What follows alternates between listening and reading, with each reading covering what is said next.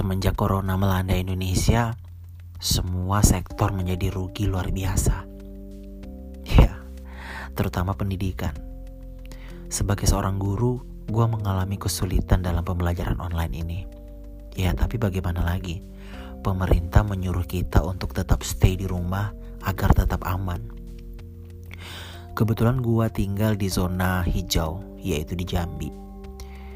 Kami di Jambi sudah melakukan tatap muka dengan siswa sebanyak tiga kali seminggu dan tiga kali pembelajaran online.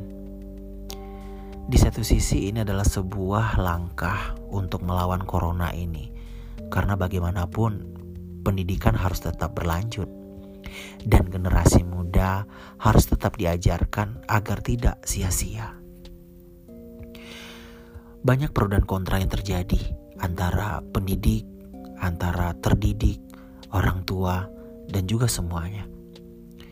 Ya, pendidikan di Indonesia menurut gua sudah makin berbicara kasta.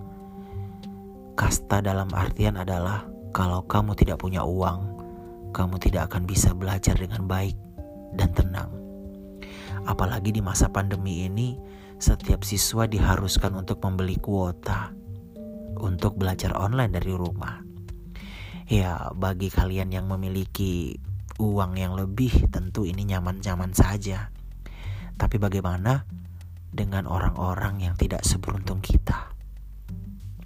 Banyak di antara orang tua murid gua yang mengeluh ada yang membicarakan bagaimana mereka kesulitan dalam membeli kuota. Bahkan HP saja mereka juga tidak punya.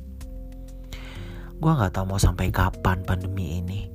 Di satu sisi kita juga harus tetap waspada di satu sisi kita harus menyelamatkan generasi bangsa.